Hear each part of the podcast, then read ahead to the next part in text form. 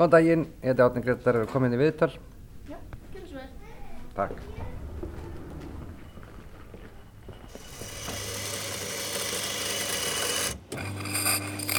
Ég heiti Átni Gretar Jóhansson og ég kom út úr skapnum sem hommi þann 1. april 2002.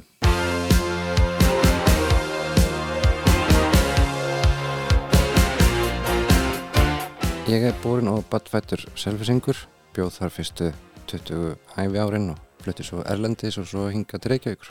Ég var frekar ungur þegar ég fattaði einhvern veginn að ég var ekki nákvæmlega svo fólki flest en hvað nákvæmlega það var uh, gat ég ekki endilega sett puttan á fyrir þarna bara rétt að hann ég kem út þá að verða 19 ára gamal. Uh, ég hafði lendi í endalessum spurningum og vangaveltum og, og í svona litlu samfélagi eins og, eins og ég bjó í að þá er margir sem voru ofta að spurja eða stríða eða kommenta að maður væri hommi og uppnefna á þess aftar. Í raun ég fann ekki einhvern veginn að það passaði við mig.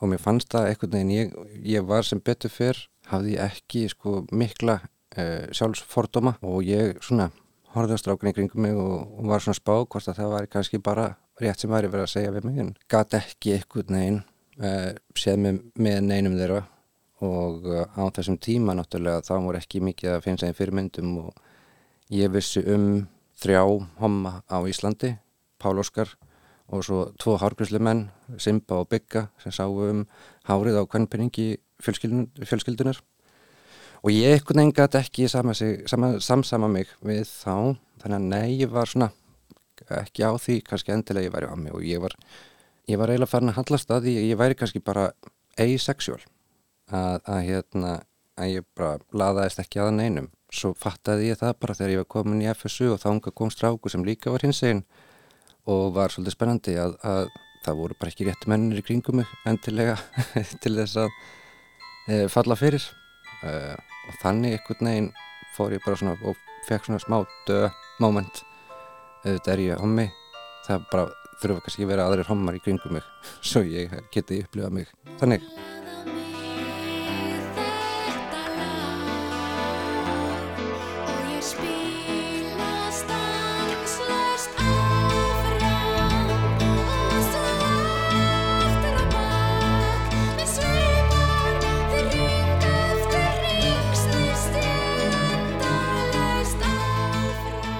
ég miða alltaf við þessa dagsendingu 1. april hérna 2002 út frá því að þá segi ég mömmu frá því að ég hafi verið að deyta strák og þessi 1. april hafi verið alveg rosalega dramatískur og, og, og erfiðu dagur mörguleiti og, og en ég hugsaði þú veist, ég var allavega að fara að hitta stráki sem ég var búin að vera að deyta þarna um kvöldið og þá myndi ég allavega að eiga góða stund þá en þá dömpaði mér og saði mér upp þannig að það ég átti að jók bara á og það var í raun þessi þetta móment ég ákvaði að segja mömmu að mér hafi verið dömpað á strák og að öðru leiti kom ég ekki endilega beint út úr skáplum uh, fyrir öðrum heldur. Eftir þetta fór ég bara svona meira að svara játandi og þess að þetta var vera að spurja mig. En ég miða þess að alltaf út frá þessari þessu mómenti, þessari tímasetningu nema þegar kom svo að sko ömmum og öfum þá fannst mér ég sko þurfa að hafa eitthvað til þess að segja frá eiga kærasta eða eitthvað svo leiðis og myndi þá í raun koma út fyrir þeim sem ég og gerið. Og ég var þá komið kærasta og, og var búin að vera með þeim í smá tíma og vissi að þetta var að fara að stefna eitthvað og við vorum búin að taka ákveðnum að flytja Erlendis. Og þá ákveði ég að koma út sérsagt fyrir ömmum og öfum eftir að, að segja þeim frá þessum strák og þessum uh, fyrirhugðu flutningum. Og það tókst bara svona nokkuð ljómandi vel reyndar í tilfelli sko móðurfóraldra minna. Þá gerði ég þetta í erfidrykju því það var eina tækifæri sem ég hafði áður en ég færi erlendis og uh, sagði þeim sér þetta frá mínum þá reyndi kærasta og þessu, þessu plani. Og það svolítið sko stakk mig að, að amma talaði alltaf um vinn minn og var alltaf að spyrja já hvað gerir svo hann Jón vinnur þinn og, og hvað er, er þetta búin að vera lengi hitt hann Jón vinn þinn? Og, og alltaf að tefa á þessu tefa á þessum vinnartilli sem að fór alveg svakalit taugarnar á rúmlega tvítu af mér og ég endaði á einhvern veginn svona frussa út um mér bröðtertu yfirverðnar og seginni að, að það veri sko alveg á hreinu og alveg á tæru en ég gerði sko margt annað með hann Jóni, kærastarnir mínum heldur en nokkuð tíman maður myndi gera með vinnu sínum. Og það var svona, já, smá, smá dramatík í manni. Og svo kom að ég að segja sko föður föðufóröldrunum og uh, því ég var svona pínu stressaði fyrir því að því að, að amma mín, þeim einn uh, var hvað hérna aðvendisti og komur mjög trúalegu uppeldi sko og þannig að ég vissi ekki alveg hvernig stæði þar en, en hún má ég það kærlingin blessu sér minni kennar að hún þegar ég sagði þetta þá barði hún í borðið með miklu blátum og, og, og sagði mér að muna það alltaf að ég ætti aldrei að láta segja mér nokkuð skapa hlut annan heldur en að það sem ég gerði og það sem ég væri væri fallegt því það sem ég gerði væri að elska og það var ekki tilnitt fallegri í heiminum heldur en að elska. Og hún hreinlega þyldi ekki mismunun og þegar verið að tala illa um homma og leppur eins og hún orðaði það. Allt mitt líf legg ég að fótum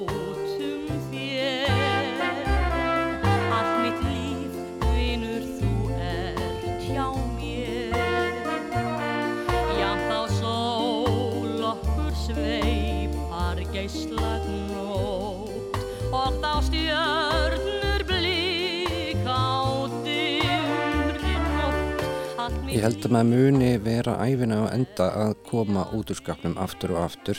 Eins og í mínu tilfelli hef ég verið að vinna mikið í verktöku og í ferðanbransanum þar sem að maður er alltaf að, að, að kynnast nýju og nýju fólki og alltaf að vinna með nýjum og nýjum samstagsaðilum. Einn byrtingamind þess að það er bara svona þetta vinnust á það spjall eða þú veist hvernig sem það er og það koma oft upp þessar spurningar sko áttu konu? Nei, ég á ekki konu. Hey, nú áttu kærustu? Nei, ég á ekki kærustu. Nú, þú, þannig að þú ert bara svona einhleipur og, og, og, og frjálslegur í þessu. Nei, ég er ekki einhleipur. Uh, nú, uh, og þá kemur svona svolítið þetta computer says no error svipur á fólk. Ég á reyndar mann. Já, já, já, já, einmitt, já, já. Og koma svona pínu kjánuleg við bröðið svona vandræðaleg. Já, já, já, auðvitað, auðvitað getur það verið, já, já, já. Svo kemur þessi klassiska tíminna vandræðalega þögn í kjölfarið og, og, og svo kemur í raun sko þetta óumbeðna samþykki um að já, þið þetta fólk þið er nú alveg, alveg frábær, þið eru alltaf svo hress og lífsglöð og skemmtileg og já, ég er bara já, marga homavinni og lesbíuvinni og, og, og, og það er bara, þið eru alveg bara frábær. Og maður veit ekki alveg hvað maður á að segja sko, að maður að segja takk takk fyrir að samþykja mig eða, eða hvað maður á að gera. Uh, flestir tengja þetta hugtak hommi einverðungu við kynlífmanna og spyrja mig þá gerðnan hvað var það mig um þitt kynlíf?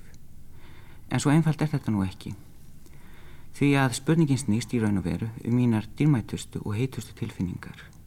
Það er að segja eiginleikan til að elska mitt eigið kyn. Ég var mjög lánsamur sem krakki að, að eina svona mínum svona sterkari og skæriri minningum er frá því ég kannski 5-6 ára. Ég man alltaf eftir í eitt kvöldið þá var ég inn í eldúsi og ég sé ennþá, ef ég loka auðvitað sé ég ennþá sko kvíta hérna útastækið sem malaði allavega sólarhingin með grænu og, og bleiku tökkunum og allir þessu. Og þar var, uh, voru einhverju menn í viðtali og ég ætla nú bara að giska á það að þessum tíma hafið að verið uh, Þorvaldur Kristinsson og, og, og hérna Guðni fyrirrandi formenn samtæklu 78 að ræða hins einn málefni og málefni homólesbjö á þessum tíma. Og það var alltaf verið að segja þetta orð, hommi, hommi, hommi, hommi og ég stóð þarna og horfi og starði útarpið og velti fyrir mér hvað er þetta? Hvað þýðir hommi? Og stend svona í einhverjum þungu þöngum þegar pappi kemur inn í eldús og hann segir eitthvað, hvað, hvað segir væni minn? Hvað, hvað, hvað ætti að gera? Hvað stendur hér og starrir útarpið?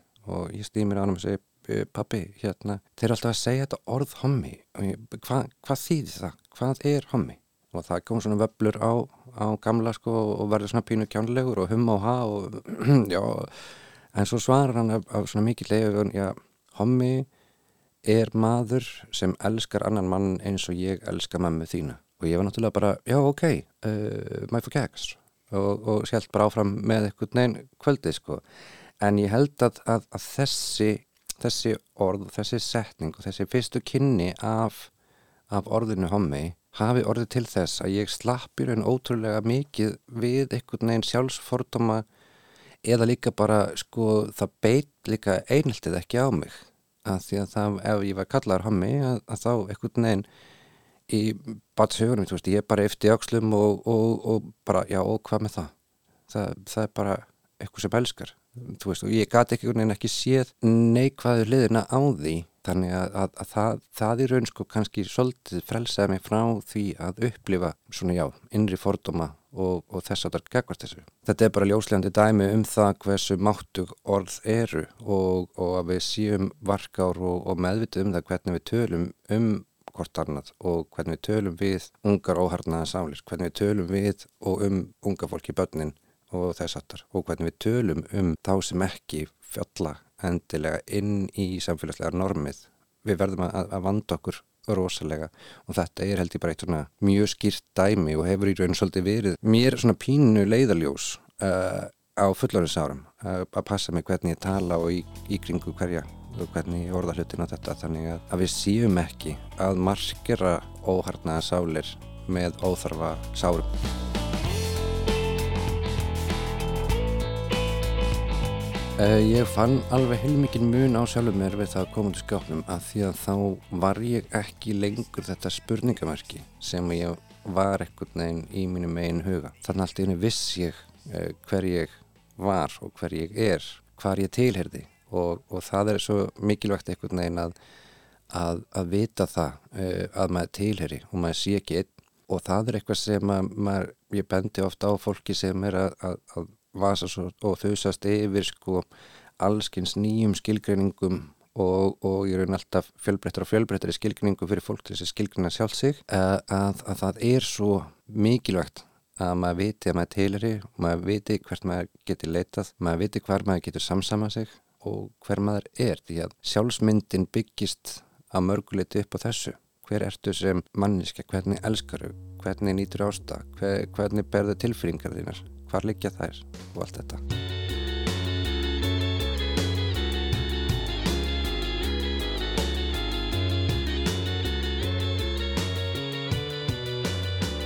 Ef ég ætti að ráðleggja einhverjum sem er í einhverjum vafa eða efa um sína kynneð, kynvitund eða eitthvað sem að því tengist þá myndi ég ráðleggja þeirri mannesku að finna aðra mannesku sem þú treystir og byrja að koma hugsunum sínum í orð. Og ég talaði um hvað orðin eru máttug það er í raun alveg ótrúlega mikil máttur falin í því að tala upphátt og setja í raun orð hugsunni sínir. Að því þá teiknast þar upp betur fyrir framamann og þá veit maður líka betur hvort það er raun og veru eigi viðmann eða ekki. Og uh, þetta væri held ég alltaf fyrsta skrifið. Það er ef að manneski er að koma til skapnum fyrir 20, 30, 40, 50 árum var ferðarlægið miklu, miklu lengra, miklu, miklu kvalafillra og erfiðara heldur en það er í dag út af eigin fordómum, út af fordómum samfélagsins, út af því að þetta voru ekki endilega þekkt eða viðkend eða samþygt uh, hérna, kynniður, kyngerfi og, og þess áttar. Það er náttúrulega samfélagsgerðinir er allt önnur í dag en það breytir því ekki að ferðarlag einstaklingsins í því ferðarlagi að standa með sjálfum sér að aukvita sjálfan sig að þekkja sjálfan sig og þú er að setja það í einmitt orð er alltaf